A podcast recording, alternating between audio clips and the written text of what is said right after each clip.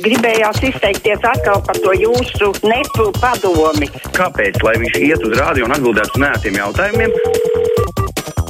6722, 888, 672, 559, mūsu tālruņa numuri, elektroniskā pastādrēs kruspunktā, Latvijas radio.lv varat sūtīt ziņu arī no mūsu mājas lapas. Klausītājs Normons raksta, lētāk būs neko nevērt ciet un neko neaizliegt, bet gan Covid cietušo cietušajiem mirušo līdzcilvēkiem izmaksāt kompensāciju. Tā būtu pateicība cietušajiem par biznesa nenokaušanu pēdiņās. Gal galā tie, kuri vēlas, var vakcinēties. Tik skarbs ir Normons. Viņš arī raksta tā, ka slimība ierobežos cilvēku plūsmas kontroli, nevis ražotnes biznesa nokaušana. Korons ir un būs, bet jautājums vai biznesa izdzīvos. Nu jā, kā jau mēs dzirdējām, tad šī te asā aizslēgšana ar cerību, ka drīz varēs visu vērt vaļā, varētu būt lielākais strīdu sābols, ja nāksies šos lēmumus pieņemt, jo nu, pagājušajā ziemā jau arī tā kā pēkšņi tika aizvērts viss ciet un tur daudz ko nevarēja tirgot, tad arī gaidīja, gaidīja, gaidīja, kad atvērs vaļā un tā arī nesagaidīja tik ātri, tas viss tika ļoti ievilkts garumā. Bet, nu, redzēsim, laiks rādīs. Klausītājs Vana, halā! Jā. Labdien!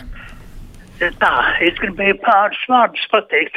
Es te mazliet ar 60 gadu pārtraukumu pie Konfūcija atgriezos, palasīju.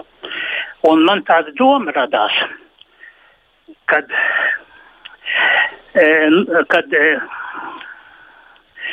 e, Eh,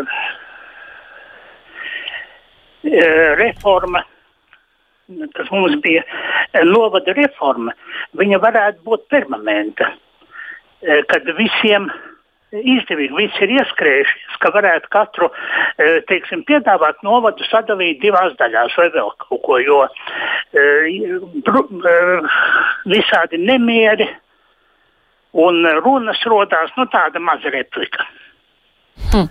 Visu laiku, eh, ja es pareizi sapratu, tad eh, kaut ko da, dalīt un apvienot, dalīt un apvienot. Jā, un tā būtu vismaz tāda debitīga darbība. Nu, labi, klausītājs Vana. Hello! Halo. Es gribēju izteikties par kultūras darbiniekiem, ka viņi ļoti tagad sašutuši, ka viņiem jāmaksā nodoklis Covid laikā, bet tā, ka viņi mums uzlika uz telefoniem nodokli Covid laikā pavasarī aputām uz lūpām runāja par, par rāģio un televizoru, tad, tad, tad tas nekas, lai mēs maksājam, arī bija Covid laiks. Un ne, mēs ierakstām viņu raidījumus, ne, ne arī fotografējam, bet jāmaksā ir visiem. Nu jā, bet tas tomēr nav salīdzināms. Vai vienreiz nopērkamam telefonam tur kaut kādi pāris eiro vai visu laiku ik mēnesi maksāt. Uh, daudz, daudz lielākas summas nodoklī. Nē, es šobrīd nestrīdēšos par to, ka nodokļi visiem ir jāmaksā, bet nu, tas tomēr nav salīdzināms. Klausītājs Vana, hello! Labdien! Labdien! Es gribēju par to vakcinēšanos pateikt. Es domāju, ka eh, visiem uzņēmējiem, kuri veic veselības apdrošināšanu saviem darbiniekiem, vajadzēja atteikt šo veselības apdrošināšanu tiem, kuri nevakcinējas. Jo viņiem ir gana stipri un imūni pret visādām kaitēm, tātad nevajag viņus apdrošināt. Un no otras puses, es domāju, arī tiem, kas, kas nav vakcinējušies un nokļūst slimnīcā, nedod Dievs, lai, ne, lai viņi maksā pilnu, no pilnu samaksu par savu slimošanu. Un tāpat pieejamiem senioriem, ne, nu, ja viņiem visādas atlaides ir, tad lai arī maksā pilnu maksājumu par veselības pakalpojumiem bez jebkādām atlaidēm. No. Nu. Ja tādu variantu ievest, es domāju, ka varbūt tos 70% mēs varētu sasniegt. Nu, jā, no vienas puses ir tā, ka darbdevējs nemaz nevar, kā jau mēs dzirdējām, šobrīd uzprasīt, lai darbinieks atklāja, viņš ir vai nav vakcinējies, bet, nu, jā, neārstēt kādu saslimušo, tas būtu tā nehumāni un likt viņam maksāt pašam, un ja viņam naudas nav. Bet, nu, jā, tas, ka vakcinācijas aptvere ir nepieciešama lielāka, nu, tas ir skaidrs, ja mēs gribam dzīvot mierīgāk visi. Klausītājs Vana Halā. Labdien! Labdien. Profesors Uga Dumpis ir izgoda vīrs tāda cilvēka priekšā, cepur nost. Paldies, ka uzklausījāt! Paldies, ka piezvanījāt!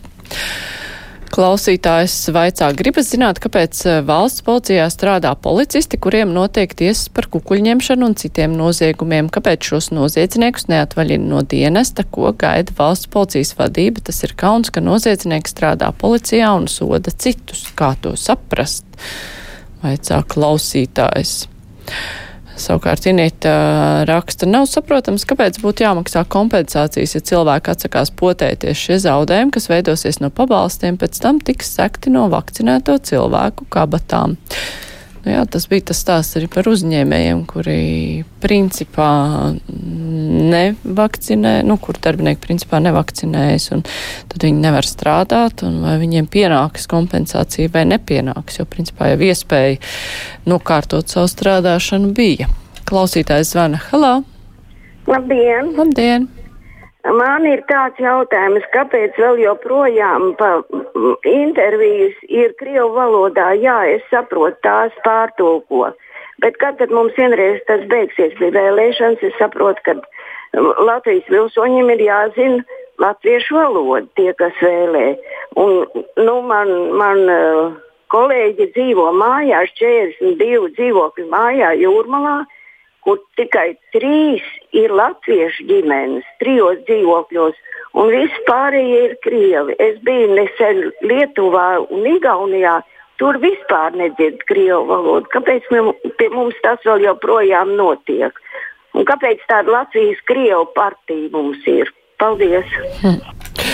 Nu, Latvijas Krievu partija ir tāpēc, ka mums ir politiskā brīvība, katrs var dibināt tādu partiju, kādu grib, bet, nu, ja mēs uh, arī sabiedriskajā vai citos medijos būtu dzirdami tikai, tikai, tikai latviešu valodu, tas rast, radīt tādu iespēju, ka Krievu vispār nav, ka Latvijā visi zina latviešu valodu, un tad mēs dzīvot tādā ļoti naivā pārliecībā, ka viss ir tik brīnišķīgi, lai gan īstenībā nemaz tik brīnišķīgi nav. Tāpēc, nu, kamēr mēs dzirdam, ka cilvēki ir, kuri neprot runāt latviešu valodā, tad zinām, ka pie tā ir jāpiestrādā un ir kaut kas jādara, lai viņi zinātu un runātu. Nu, tā. Klausītājs zvana. Halā! Labdien! Nu tā tad tai kundzei, kas te iepriekš zvanīja, varu pateikt, ka visi tie jautājumi, par kuriem viņa runā, ir jau sen iztirzāti un atbildēt uz to avīzē DDD. Ja viņa to lasītu, tad viņai tas nebūtu jāprasa, kāpēc divreiz divi ir četri. Un vēl šodien ir 1. jūlijas nozīmīgs datums. Latvijas vēsturē Adalogs 19. gada 22. maijam, kad arī Vācu karaspēks pādzina bolševikus, tas bija vienais, un 41. gada 1. jūlijā tas bija otrais. Protams, vācieši nekādi eņģeļi nebija, arī pēc tam notika visādas Eiropas lietas, un arī latviešu patrioti, tā skaitā bija represēti, bet tomēr tādā brīdī, kad tas notika gan 19. gada maijā, gan 41. gada jūlijā, tautas vairums par to priecājās, un vāciešu sagaidīja ar ziediem, to tas būtu mums jāatceras, un būtu arī mums iespēja robežā šī diena jāatzīmē, noliekot ziedus pie brīvības pieminekļa. Paldies! Mm -hmm. Paldies! Klausītājs Jānis raksta Māra. Par slimnīcā pavadīto dienu Latvijā jāmaksā 10 eiro. Ir covid vai nav? Nu, pacientu līdzmaksājumus neviens nav atcēlis, bet, nu, ja būtu jāmaksā pēc pilnas programmas, tad tur būtu ujujuj, cik dārgi. Klausītājs zvana. Halo! Sveicināti! Labdien! Nu, ir zināms, ka ar to covid galā mēs netiksim, kā mēs nebūsim nopotēti. Tātad pocis ir pa brīvu. Cilvēki atsakās. Es uzskatu, ka tomēr viņiem, ja viņi saslim, viņiem ir jāpiestāda rēķins par visu programmu jābūt drakoniskiem noteikumiem, jo citu variantu pagaidām nav. Paldies! Mm -hmm. Paldies! Savukārt Zana grib zināt, vai tie 20-30% vakcinētie vēlas strādāt arī pa tiem 60-70% nevakcinētiem, ja viņiem aizlieks strādāt. Nu, visiem jau neaizlieks strādāt, bet nu, tur ir tas, tas interesantais jautājums. Jā, no vienas puses var likt visiem vakcinēties, bet nu, a, ko darīs, ka pēkšņi trūks cilvēku kādās jomās, kas nebūs, ko strādā, bet no otras puses to jau var nevar visu aizlaist pašplūsmā. Nu. Tā kā ir jādomā tāds viltīgs ceļš, kā tikt galā ar situāciju. Klausītājs zvana. Halo! Labdien! Labdien! Es arī tipu vakcināciju. Ziniet, es laikam nevakcinēšos. Jo es klausos, ka diezgan stiprs blaknes ir tiem vakcinētajiem. Viņi tā ienīst nevakcinētos un liek par viņiem maksāt uh, slimnīcām. Slimnīcās būs jāmaksā viss. Nu, es negribu būt tik ļauns cilvēks un tik kaitīgs. Labi, paldies, vislabāk. Jā, paldies. Nu, par blaknēm, nu, tur tiešām ir daudz, daudz, daudz vairāk cilvēkiem jāstāsta, jāskaidro, un viņiem ir jāzina, ka viņiem palīdzēs, kā viņiem palīdzēs, jo nu, tā neziņa ir pārāk liela šajā sakarā. Un tas, ka cilvēki baidās no blaknēm, tas ir tīri cilvēcīgi saprotams. Un uh, vienkārši pateikt, ka viss ir kārtībā, nu, ar to diemžēl nepietiks, jo nu, cilvēki saskarās ar to, diemžēl. Tā kā par to ir daudz vairāk jādomā. Tajā skaitā, kur arī cilvēkiem dabūt palīdzību, tad, ja viņam kaut kas notiek tāds, ka viņam ir vajadzīga šī palīdzība. Klausītājs zvana. Halo! Halo! Jansson kundze. Jā, labdien! Jansson kundze. Zvejniece Ārija Ilgsne, Ārija Ilgsne ir teikusi tādus vārdus savā zējā. Jūs dzirdat mani? Dzirdam gan. Virs raiņa kapiem laižas kraupļi, un ikni ķēts nav vērts, nav vērts. Bet tautu dziesmas, kuju svārkos, uz sliekšņa bikli mīņājās, kā baidoties, ka traukos dārgos no viņas kaut kas neiebilst. Un tie trauku turētāji, trauku turētāji ir radio valde. Bet tas slieksnis, uz, uz ko mīņājās tautas dziesma bikli, ir tieši radio viens slieksnis. Un tie melnie kraukļi biedē tos trauku turētājus, un tāpēc tā tautas dziesma arī iekšā netiks pār to slieksni. Ot, tāds tas manas domas. Paldies! Tas gan bija interesanti. Paldies, ka padalījāties.